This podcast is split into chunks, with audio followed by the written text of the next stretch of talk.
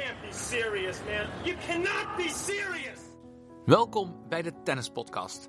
Vandaag is mijn gast, de grootste cultheld die Nederland rijk is en tevens meervoudig wereldkampioen bij de veteranen, Bart Becks. So, for the first time in a Grand Slam championship, we have a Dutchman as the champion. Et c'est fait sur une double faute. Martin Verkerk en finale de Roland Garros. Is brilliant in Madrid. Mijn naam is Jos Lemmens en leuk dat je weer luistert naar een nieuwe aflevering van de Tennispodcast. Voordat we aan deze aflevering gaan beginnen, ga ik je alvast vertellen dat ik eind deze week aan de tafel zit bij Robin Hazen. En ik ben vooral benieuwd van jou als luisteraar wat jij graag zou willen weten van Robin. En dan met name op het gebied dat niet zo voor de hand ligt. Kijk, we kennen allemaal wel de standaard interviews die bij de NOS gegeven worden. Maar juist in de podcast hebben we de kans om dieper op materie in te gaan en meer persoonlijke verhalen naar voren te laten komen. Dus heb je suggesties of heb je echt vragen die je graag zou willen stellen aan Robin? Laat het me weten. Sowieso kan het via de Facebookpagina of via de tennispodcast.gmail.com. De aflevering van vandaag heb ik al een tijd geleden opgenomen aan het begin van de coronacrisis. Maar toen ik startte met de Tennispodcast wilde ik absoluut een gesprek aangaan met Bart Becks. Hij is niet alleen mijn vroegere dubbelpartner in de tijd dat ik nog fulltime speelde, maar hij is vooral een tennisprofessional die out of the box durft te denken. Dat zie je bijvoorbeeld al aan zijn unieke slagen, maar vooral ook de manier hoe hij de tennissport beleeft, hoe hij geniet van het reizen over de hele wereld en tegenwoordig een van de allerfitste tennissers is van zijn leeftijdsklasse. Het is ook niet voor niets dat hij al meerdere malen wereldkampioen is geworden, zowel individueel als met het Nederlandse team. Al zijn ervaringen gebruikt hij ook op een unieke manier in zijn visie op coachen. Vandaar dat ik een zeer interessant en inspirerend gesprek had met Bart Becks.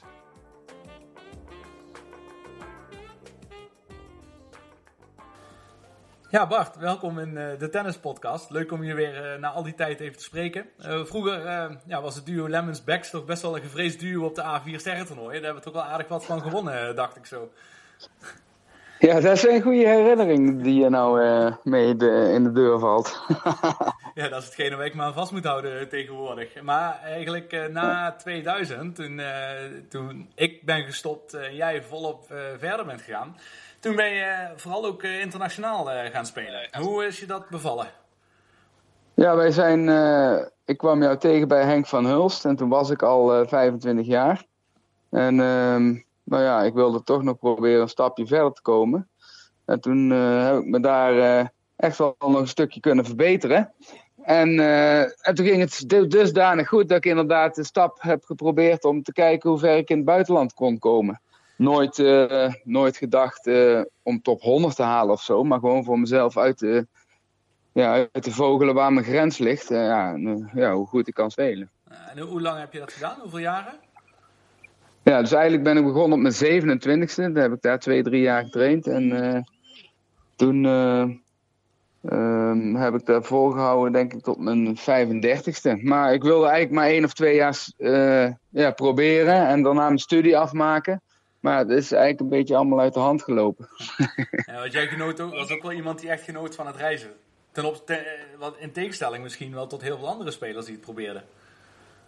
Ja, ik was wel uh, even iets anders. Want ja, ik vind het niks om uh, echt iedere dag, de hele dag op de tennisbaan te hangen. En dan dus s ochtends erheen uh, eten daar. En dan smiddags weer trainen. En, en dan s'avonds op je hotelkamer zitten. Dat was eigenlijk niks voor mij. Ik vond het ook leuk om, uh, als ik dan toch ergens ver weg was, om uh, ja, iets mee te krijgen van de cultuur en uh, van natuur of iets mooie dingen, mooie stad. Om ja, daar iets van te bekijken. En daar heb ik, ja, daar heb ik dus best wel regelmatig wat gedaan. Niet dat het ten koste ging van mijn tennis of mijn prestaties.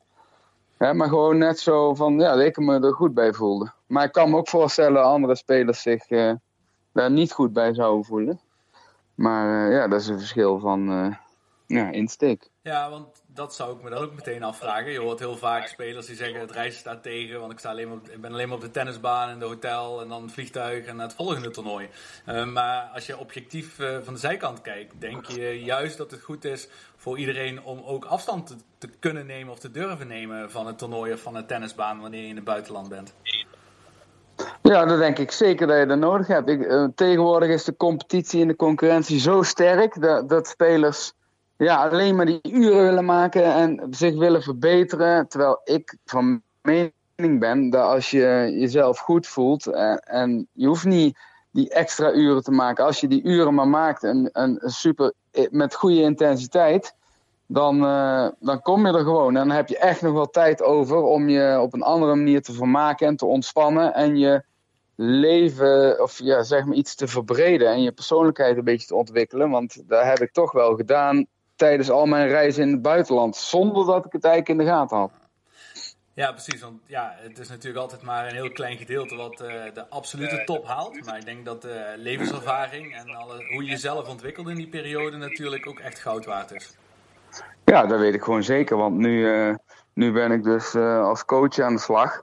En al die ervaringen neem ik mee. En ik ben nu eigenlijk pas geleden nog met Fons van Zambeek naar de Dominicaanse Republiek geweest. En hij is, ja, was, ik werk eigenlijk bijna twee jaar al met hem.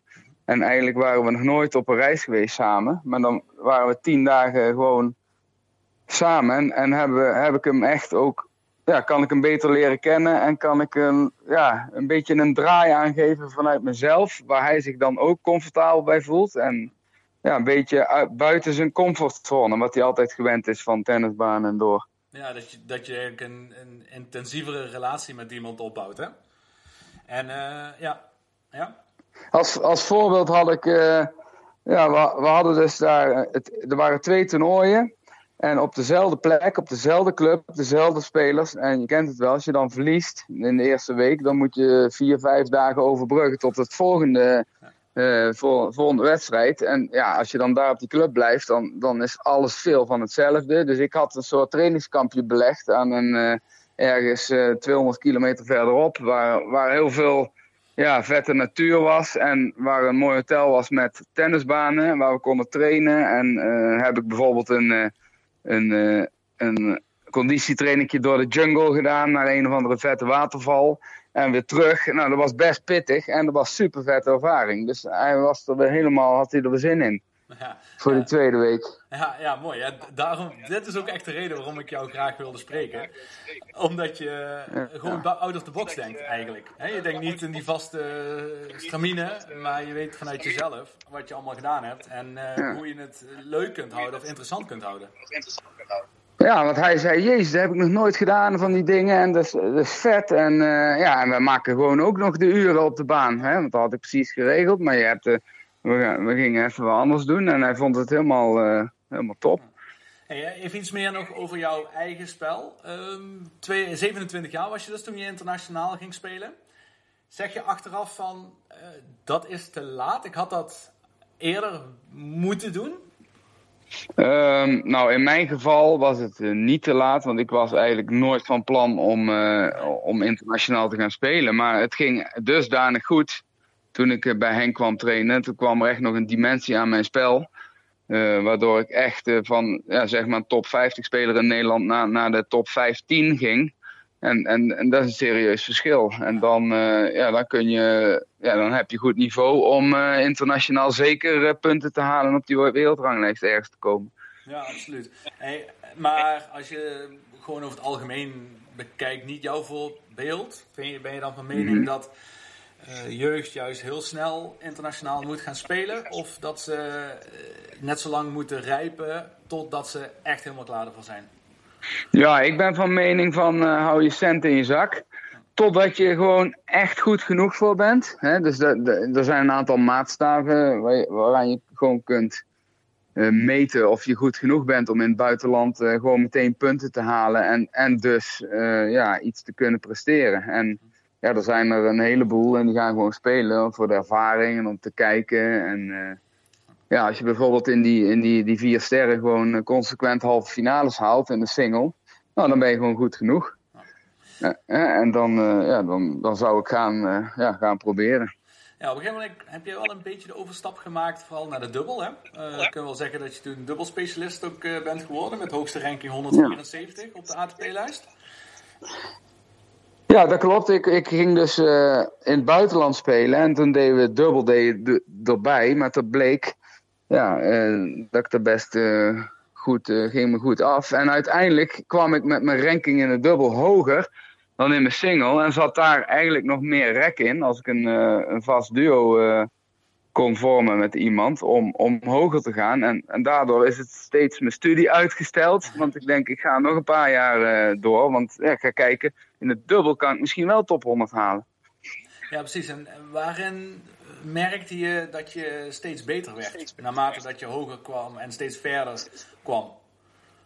Ja, want dan, eh, ja, dan speel je gewoon die futures mee. En dan op een gegeven moment eh, dan ben je er gewoon echt best een hoop Ja. achter elkaar zo. En dan denk je van, oh, nou, dan gaan we toch met een niveautje hoger proberen in de challenges. Ja. En dan eigenlijk merk je van, dat is niet zo'n heel groot verschil. In het dubbel kun je nog alles eh, ja, winnen van, die, ja, van mensen die echt wel hoog staan. Als je gewoon eh, ja, een beetje goed speelt die dag Maar, samen. maar hoe ontwikkelde jij zelf als speler, als dubbelspeler? Ehm, ten- eh, wa- waar werd jij beter in naarmate dat je hoger kwam op de ranking? Ja, op een gegeven moment gingen wij gewoon ook echt super gericht alleen maar dubbelspeloefeningen trainen. En dan en die single die deed ik nog wel erbij, maar het ging echt voornamelijk om dubbel. En als je daar gewoon echt super gericht op traint, ja, dan ga je gewoon vooruit. En, en, en met ervaring en ja, dan, dan, dan word je gewoon eh, een betere, completere speler.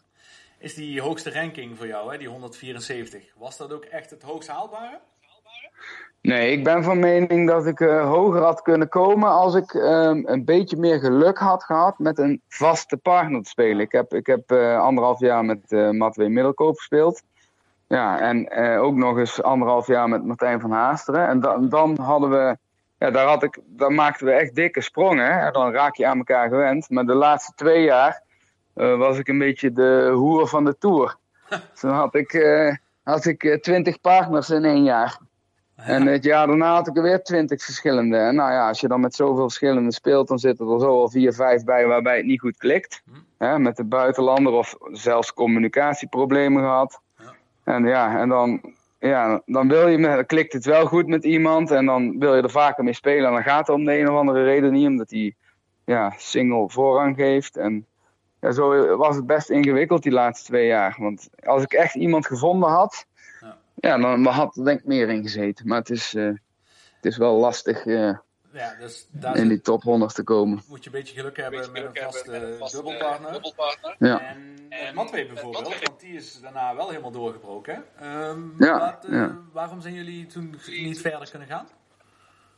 Nou, het was eigenlijk zo, Matwee die was eigenlijk heel goed in de single, maar die, had het niet meer, die vond het niet meer leuk. En toen vond hij het nog wel leuk om te dubbelen. En toen hebben wij een jaar gewoon volle bak gedubbeld, misschien wel anderhalf. En toen heeft hij gewoon niet gesingeld, terwijl hij was toen 19 of 20 jaar. Ja. Kun je nagaan, hij had het gewoon een beetje gehad met single. Maar de dubbel vond hij echt vet en toen gingen we best wel snel richting de 200. Ja, en toen op een gegeven moment zei hij van, eh, ja, ik ga, ik ga gewoon weer singlen ook. En eh, toen, toen heeft hij echt die sprong gemaakt in zijn single, zeg maar. Van, eh, ja, toen is hij ook rond de 200 in de single gekomen. Ja. Ja, en, daarna, en daarna is hij daar weer mee gestopt, is hij weer helemaal gaan dubbelen en heeft hij nog een grotere sprong gemaakt. En, Dus dat is wel knap. ja, in, in vorige afleveringen heb ik veel coaches gesproken die over de evolutie van het spel in het single met name. Dat is vrij duidelijk hè, natuurlijk, over de power tennis wat tegenwoordig gespeeld wordt, et cetera. Wat vind jij is de grootste verschuiving in het dubbelspel geweest qua spel, tactiek, et cetera? Tot, tot aan nu. Ja, er zijn best een aantal veranderingen geweest in de loop der jaren. Eh, ik heb nog meegemaakt dat die derde set eruit ging. Een hele derde set. En werd vervangen door een super tiebreak. En dat heeft mij eh, geen windeieren gelegd. Dat herinner ik me nog. Want ik, ik heb bijgehouden bijvoorbeeld van de eerste tien keer. De eerste tien derde sets heb ik er echt maar één of twee van die tiebreaks gewonnen. En als, als, ik daar, eh, als ik er daar zes of zeven van had kunnen winnen, dan was top 100 heel dichtbij geweest. Zo'n klein verschil. En er waren echt maar zes tiebreaks die ik eigenlijk wel had moeten winnen. En nou ja, die ik niet won. De, dat was een groot verschil, maar jij wil natuurlijk meer eh, technisch en tactisch weten. Nou, deze Eh, is ook wel belangrijk, want eh ja. had je toen het gevoel dat het toch meer een loterij werd? Ja, zeker. Het was, dat was gewoon wie in het begin echt een beetje de, de flow heeft, die, die meteen een paar punten maakt in het begin. Ja. Ja, als je echt een gat van drie, vier punten hebt in het dubbel, in zo'n tiebreak, nou, dat is bijna niet meer goed te maken. Dat gebeurt nog wel, maar echt, die kans is echt super klein. Dat kun je gewoon uit, uitrekenen. Dus mentaal is het ook moeilijker. Ja, dat is, eh, ja, de, ja, je moet daar gewoon sterk staan, maar je bent dan met z'n tweeën. En, eh, ja, ja, de- En dan op technisch en tactisch gebied? Ja, inderdaad, de power tennis wat in de single eh, ja, erin is gekomen, is in de dubbel natuurlijk. eh, heeft zich ook echt doorgezet dat er gewoon eh, veel minder aan het net gespeeld wordt. En dat je gewoon van achteruit gewoon heel veel dubbels kunt winnen, zonder dat je een fatsoenlijke volley hebt. Daar moet ik wel bij zeggen dat ehm, als je echt in de, de top 70 van de wereld wil komen, ja, dan heb je ook echt een uitermate goede volley nodig. En ehm daar kom je er niet alleen met, ehm, met eh, ja, hard slaan. Net als Matwee, die kon echt gigantisch hard slaan, mega returns. En, maar die heeft zich toch echt nog doorontwikkeld ook op zijn volleys. Dat zeker niet zijn sterkste punt waren. En daar heb ik toch wel gezien dat hij daar echt veel in geïnvesteerd heeft. En het ook goed kan nu. Ja. Hè? Da, da- ja, dat is wel een groot verschil. Eh, ja, merk je trouwens ook op resultaten op gravel eh, dat er heel andere dubbelkoppels goed naar voren komen ten opzichte van eh, op snellere hardcorebanen? Ja, bij Roland Garros heb je vaak eh, verrassende winnaars. Dus niet, eh, zijn vaak niet gasten die eh, gewoon in die top 10 dubbel van de wereldranglijst staan. Ja. Dat zijn gewoon die ze lekker raken dan en eh, gewoon niet kunnen missen van achteruit. En daarnaast eh, een andere ontwikkeling die echt heeft plaatsgevonden is eh, posities. Hè? Hoe je op een gegeven moment, eh, vroeger werd er veel Australische opstelling gedaan. Eh, op een gegeven moment kwam er die I-formation erin. Dat je ja, achter elkaar eh, eigenlijk begint en dat de netspeler laag op de T zit. En ja, dat je dan afspreekt dat hij naar links of naar rechts gaat, dat je dat niet weet. Nu, de, ah, nu de laatste tijd is het vooral, doen ze ook een soort I-formation. Maar hoe sneller de baan is, hoe dichter ze bij het net gaan zitten. Ja, ik heb het zelf niet gespeeld, maar eh, ik zie ze het nu doen. Dan zitten ze echt maar een meter van het net af en dan zitten ze op de grond en dan eh, ja, serveren ze zo hard. En als die bal een beetje in hun bereik is, dan, eh, ja, dan gaat hij gewoon met die volley de baan uit.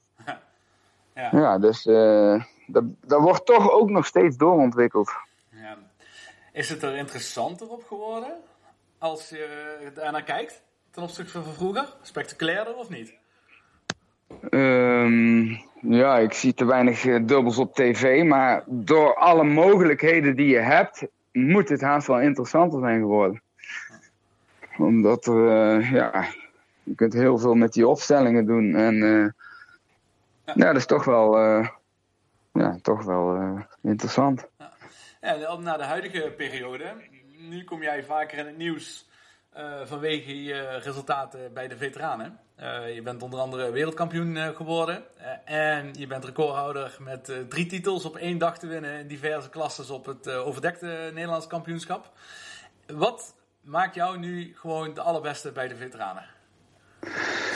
Ja, ik, ehm, ik ben gezegend, denk ik, met een, een goed, sterk lijf. Wat weinig blessures heeft gehad. Ik heb mijn lichaam ook vrijwel niet belast in mijn eh, jongere jaren dat ik eh, ja, aan het groeien was. Ah, dus dat, dat- daardoor denk ik, omdat ik het niet zo zwaar belast heb, want tegenwoordig wordt het echt mega belast. Hè, door de jeugd die goed zijn. En ik heb dat helemaal niet gehad. Dus ik, ja, ik, ik heb. eh, ik hou mijn. ik probeer ook gewoon goed fit te blijven. En die combinatie is dat ik gewoon een best wel ja, sterk en nog steeds snel lijf heb. En atletisch. En daar ben ik zeker beter als eh, ja, menig ander. En daarbij eh, ga ik niet. eh, wat je ook vaak ziet is bij veteranen dat ze gaan veel meer gaan slicen en rustiger gaan spelen. Maar ik ga proberen juist te proberen om heel snel te spelen, volle bak te blijven slaan. En ja, hele goede dropshots te hebben. Want toch wordt iedereen wordt wel iets langzamer en, en, en veel kort cross te spelen. Dus ik probeer tactisch er wel een beetje aan te passen. Zodat ik het maximale eruit kan halen. Ja, dus eigenlijk lijkt het ook best wel redelijk op het eh, open tennis. Eh, als jij wat harder slaat dan de rest, dus je geeft je tegenstander minder tijd, dan ben je al een heel eind. Ja, zeker. Maar nee, ja, ik, ik blijf gewoon. eh, ik, mijn doel is ook gewoon. Ja, ehm, als ik 60 ben, dan denk ik gewoon nog, als ik mijn lichaam het houd, dat ik gewoon nog één speler kan zijn. Alleen, eh, ja, heel veel mensen geloven dat niet, maar dan zie ik dus weer de uitdaging. Net zoals ik die uitdaging eh, een paar jaar geleden had met die drie titels op één dag te halen. Dat was voor mij echt een uitdaging. Ja, dan ga ik er vol voor en dan ga ik gewoon kijken of dat lukt. Ja. Nou, lukt, dat lukte toevallig, maar dit moet ook nog lukken. ja, en dan, maar oké, die drie titels heeft natuurlijk wel vooral ook te maken met eh, fit te zijn, toch? Ja, dan moet je echt fit zijn. Want dan moet je drie singles op één dag spelen. En die dagen ervoor eh, had ik er ook minstens twee op een dag. Ja. Toen had ik eh, veel, veel potjes in vier dagen, zeg maar. En wat doe je daarvoor om zo fit te blijven? Eh, ik ben een aantal jaar eh, geleden begonnen met, met een, eh, een vriend van mij. Die is personal trainer, Stratos Diamantas. Ja, en die, ja, daar ben ik gewoon eens mee begonnen. En één, twee keer in de week. En dan hou ik het gewoon goed bij. En dan tennis ik zelf één, twee keer in de week. Nou, dan ben je al goed bezig met vier momenten. Ja. En dan als we richting, als we echt willen pieken naar iets, naar, naar een WK of zo. Dan, dan ga ik gewoon echt drie keer in de week eh, echt eh, fysiek trainen. Ja, dan ben ik gewoon fit. Ja, en dan, eh, En is dat vooral cardio wat je doet, of veel met gewichten of explosief? Nou, eigenlijk zit daar ook een verschil in met hoe er vroeger werd getraind, fysiek. Ik ging vroeger altijd naar Joop Ooms in de duinen in Drunen.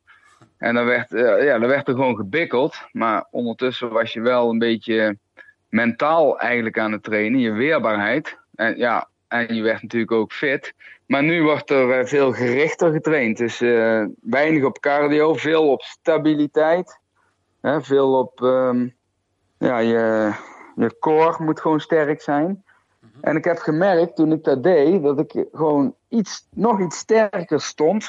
En, als, en meer balans heb in mijn slag. En dat ik makkelijker kon zwaaien. En eigenlijk sindsdien heb ik nog een iets hardere voorhand gekregen als daarvoor. Omdat ik gewoon ja, daar ook nog iets heb kunnen verbeteren. En Dat is ook wel iets van alle tijden, denk ik. Hè? Als je bedenkt hoe dan nu. Als ik ook filmpjes zie van Tsitsipas bijvoorbeeld, die traint, of Murray zijn conditietrainingen. Die zien er heel anders uit dan hoe wij onze conditietrainingen doen. Lijkt alsof dit veel gerichter op tennis is. Ja, ja daar hebben natuurlijk eh, wetenschappers hun, eh, hun sporen in nagelaten. Die hebben gekeken van hoe kunnen we sneller eh, die mensen effectiever eh, ja, beter maken. En als je ook naar Djokovic kijkt of zo. Ja, de, die is, is eigenlijk maar een spriet, maar Ja. die is alles zo goed. Dat is echt niet normaal. Je hoeft geen bodybuilder te zijn of kracht of... eh, En maar je, ziet, Ja. ja. je ziet ook de bewegingen, die zijn ook echt geënt op het tennis. Veel eh, gerichter. En, en, en vroeger deden wij vaker natuurlijk 400 meter sprint. Of Ja, ja, ja. En, Ja, ja, ja, ja. en dat was mentaal wel goed. En voor je echt eh, diep gaan en, en het, eh, ja, eh, het, het verzuren, zeg maar, misschien die, die grens wat hoger te leggen. Maar uiteindelijk, eh, denk ik, eh, wat je nu ziet, en dat zie je meer sporten, hoe er nu getraind wordt met die medicijnballen, met het, eh, Ja. hoe er uit die romp, uit die rotatie en alles wordt gedaan. Veel Veel effectief. ruimtes. Het lijkt veel meer op tennis, waardoor die beweging ook Ja. veel beter getraind wordt. ja, en daardoor is er ook gewoon meer power. Ja. Daardoor is er gewoon meer power. Maar doordat er nou niet meer zo getraind wordt op die 400 meters in de duinen, die bosloopjes, zijn de meeste spelers minder weerbaar. En dan merk ik als ik hier toernooi speel, tegen, eh, speel ik gewoon tegen de jeugd ook, Ja. tegen die 18, 19-jarigen. Ja, die, die, die, als ik die een beetje over de klink krijg, mentaal, dan, dan, ja, dan hebben ze ook weinig bij te zetten om, ja, om terug te komen. Ja, dat is wel. Dus die- Dat waren wel echt dus ja. mentale trainingen. Die conditietrainingen waren misschien niet zo gericht op het tennis, maar mentaal Nee. werd je er wel hard van, ja. Ja, want ik weet zeker dat eh, al die, die nu 40 plus zijn, die zijn allemaal veel weerbaarder je hebt veel eh, als, als ja, de jeugd zeg maar, van tegenwoordig. Dat denk ik dat dat wel zo is. Ja, nog één dingetje over die uh, veteranen toernooien. Het WK is Nederland eigenlijk allemaal, of in veel categorieën succesvol. Hè? Zowel bij de dames als bij de heren als in de teams. Um, profiteren we nu van een sterke lichting? Of is er een andere reden waarom Nederland het zo goed doet? Um, nou ja, ik denk dat het mee, te, mee te maken heeft dat ja, mensen zien dat er een aantal uh, succesvol zijn. En dat vinden ze dan uh, leuk. En het is een, ja, een goede manier om uh, ja, een beetje fit te blijven. En ja, en, ja, het is toch een leuke manier om. Ja, je blijft toch wedstrijden spelen. En dat, in, in, competitieverband, wat de meeste spelers echt leuk vinden. Ja. Hè? En ja, dat is, ik denk dat we dat daarom zo goed doen. Nou, op een gegeven moment heb jij, Bart, natuurlijk de overstap uh, gemaakt uh, naar het coaching. Hoe is je dat uh, bevallen? Ja, ik, ik had voor mezelf besloten een laatste jaar nog te spelen, single en een beetje dubbel erbij. En toen werd ik gebeld door Indy de Vrome, de moeder. Ja. En toen, ja, ik wilde eigenlijk mijn studie gaan afmaken. En toen was ik inmiddels 5 of 36. En toen, ja, maar toen begon ik ook, want dat vond ik een mooie uitdaging. Ik denk, ja, dat moet ik doen. Ik moet gewoon in tennis uh, bezig blijven. En um, ja, zo is het balletje gaan rollen. Uiteindelijk is mijn studie uh, econometrie die ik gedaan heb, is uh, niet afgerond. Is helaas niet gelukt. Maar ik heb wel van die studie geleerd om heel goed logisch na te denken. En dat is eigenlijk het geheim van mijn coaching. Door gewoon een beetje logisch na te denken met boerenverstand. En dan gewoon toe te passen die dingen op de tennisbaan. In je slagen, in je techniek. En, en zo, ja, van, van daaruit werk ik eigenlijk met mijn spelers. Dus die studie levert toch nog wel op, heb ik het idee. Ja, kun, je daar, kun je daar een praktisch voorbeeld van geven, wat je daarmee bedoelt? Uh, nou, bijvoorbeeld met de voorhand. Als, als, je, als je wil dat die harder ja, dat je een voorhand harder wil slaan. Ja, wat logisch is, om, om, om dan mee te zwaaien langer naar voren. Gewoon langer naar voren. En ja, als je dan artikelen gaat lezen, dan wordt er uh, ook benoemd. Van, dan noemen ze extension in de voorhand. Van ja, hoe ver kun je hem die, die hand voor je ogen voorbij laten gaan. Ja, hoe, zo ver mogelijk dan, dan gaat hij harder. En Federer, ja, dat zie je wel eens uh, op zo'n slow motion, dat gaat super ver. Ja, en dan als je gewoon kijkt door al die spin die er nu gespeeld wordt, eh, heb je nogal eens gauw dat je hem uh, heel snel voor je langs trekt, voor je lichaam, de, de racket. In plaats van dat je hem eerst goed lang maakt, hè, naar voren en dan... Uh, ja, dat is misschien niet het beste voorbeeld, maar dat is eigenlijk een, een, een simpel voorbeeld. Maar ja, zo zijn er ook. Maar dat je dus makkelijker uh, slagen ook echt kunt analyseren en uh, kunt, kunt analyseren waarom dingen gebeuren. Bedoel je dat? Waar, hè, ja, wat je beter ja. kunt doen dan.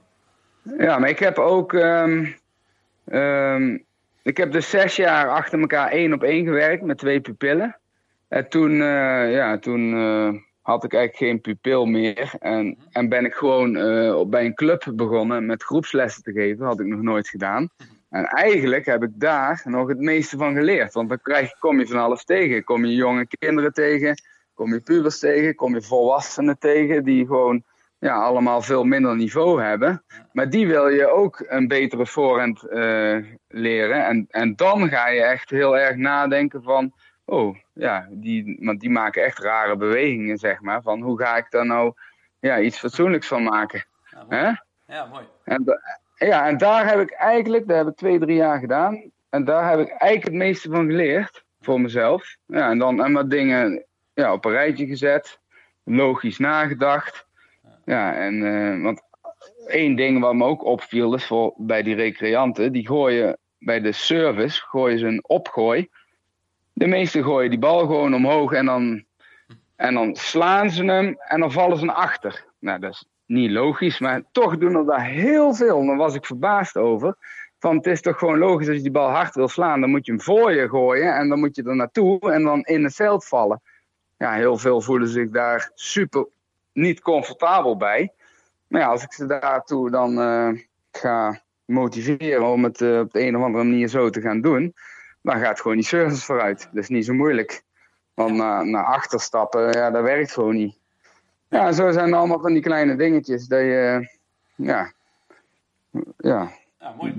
waar je, beter van wordt. Ja, wel grappig, want ik denk dat een hoop trainers die zijn misschien jaloers als ze van jou horen dat je de eerste zes jaar echt één op één gewerkt hebt, internationaal eh, gecoacht hebt eh, en alles. Want dat is vaak wel een ambitie van spelers. Maar ik vind het ook wel leuk om te horen dat jij ook juist zegt van toen het moment dat ik eigenlijk terug naar de basis moest of ben gegaan, of eh, hoe je het dan ook wil zeggen, eh, toen heb je juist heel veel geleerd.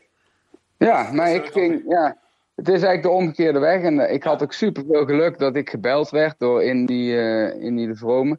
En, maar daar ben ik mee begonnen, min of meer als sparringpartner. Eh, technisch had ik weinig kaas gegeten van tennis, moet ik zeggen. Mhm. en, maar daarvoor hadden we nog een trainer erbij, Erik Hoppenbrouwers toen de tijd. En daarna ook nog even Freddy Hemmes. Ja. En ik, ik was de traveling coach, ik was tactisch goed en ik kon zelf goed spelen. Ja. En dat was een beetje de combinatie. Zo, zo ben ik begonnen. En waren we eh, heel succesvol.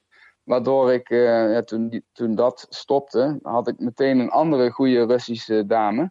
En daar kon ik al meer, zeg maar, technisch mee werken en vormen. En daar, daar ging het helemaal supergoed mee, uiteindelijk. Ja, mooi. Ja, en, eh, ja, zo is het een beetje gegaan. Dus daar heb ik wel geluk mee gehad. Ja, dat klinkt mooi. Maar ook heel goed hoe je het zegt van dat je een technische coach erbij haalt en eh, dat je een team eromheen vormt. eh, om, om te zorgen dat Ja. alle facetten gewoon erin zitten. Dat is heel mooi. Ja, dat had ik niet zelf gedaan, maar dat hadden hun, hun al bedacht. Ja, nou, Dat was wel goed bedacht. ja, dat klinkt heel goed. Hey, als laatste, want wat is je ambitie? Hoe, hoe zie je jezelf de komende jaren in de tenniswereld doorgaan? Nou ja, wat ik zei, ik wil gewoon mijn eigen niveau op een hoog niveau houden. Ik, ehm, ik heb als uitdaging eigenlijk om ehm, alle gouden plakken te halen. Dus ehm, je hebt in de 35 plus eh, single, dubbel, mix. En dan heb je in de 40, in de 45 en zo verder. Mhm. En dan mis ik nog eh, de 35 mixed, omdat ik dat nooit gedaan heb toen. En nou baal ik ervan dat ik die niet heb. En dus die gouden, die gouden medaille, daar aas ik op. Dus ik ben echt eh, alleen maar bezig om een hele goede dame proberen te charteren om met deze oude man Ja. in de 35 plus toch nog te gaan winnen. Want ik denk dat dat gewoon kan. En ehm, nou, daar wordt aan gewerkt. En dan verder ehm, ja, ga ik gewoon eh, blijven coachen. Ik zit nou bij M-Joy in tennisschool, fanatiek. eh zit heel goed in elkaar. Allemaal degelijke, goede mensen. Er zijn weinig verloop, zeg maar, van spelers. Ehm, dus we kunnen daar hard mee werken, een aantal jaren achter elkaar. En eh, ja, daar kan ik wel echt mijn ei kwijt. Ja. En als, je, als er iemand weer de tour op zou gaan vanuit M-Joy, ben jij dan degene die eh, graag meegaat? Ik ga zeker graag mee, maar ik ga niet eh, zoals ik het toen deed. Toen was ik echt 25, eh, of in ieder geval 20, der- 20 tot 30 weken aan het reizen in een jaar. Ja, dat is te veel van het goede. Want ik heb ook nog een eh, familie en een zoontje. En, eh. Nee, dat, dat, dat was eigenlijk niet mijn, mijn eh, bedoeling. Maar ik wilde wel ja, een weekje of 10, 10 maximaal.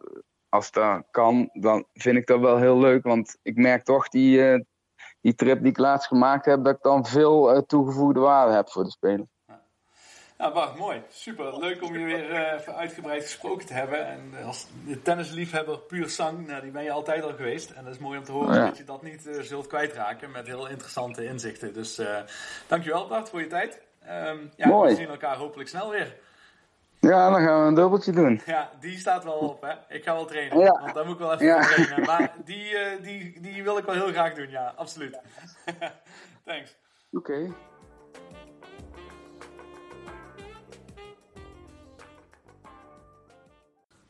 Tot zover dus het interview met Bart Beks. Een hele inspirerende man om mee te spreken. Vol met passie en liefde voor de sport. En persoonlijk voor mij ook heel leuk om weer wat herinneringen naar boven te halen van vervlogen tijden. Toen ik zelf nog fulltime aan de tennisbaan stond. Zoals gezegd is de volgende aflevering die met Robin Hazen. En als je vragen hebt, laat ze me gerust weten. Verder kun je je altijd nog steeds abonneren via iTunes, Spotify en alle andere kanalen waar mogelijk is. En laat vooral een beoordeling achter, want we gaan gewoon lekker door met de tennispodcast. Ook in de periode dat het weer drukker is en iedereen lekker op de tennisbaan weer staat. Ik bedank jullie wederom voor het luisteren naar de Tennispodcast. En tot de volgende keer over drie weken. Hoi!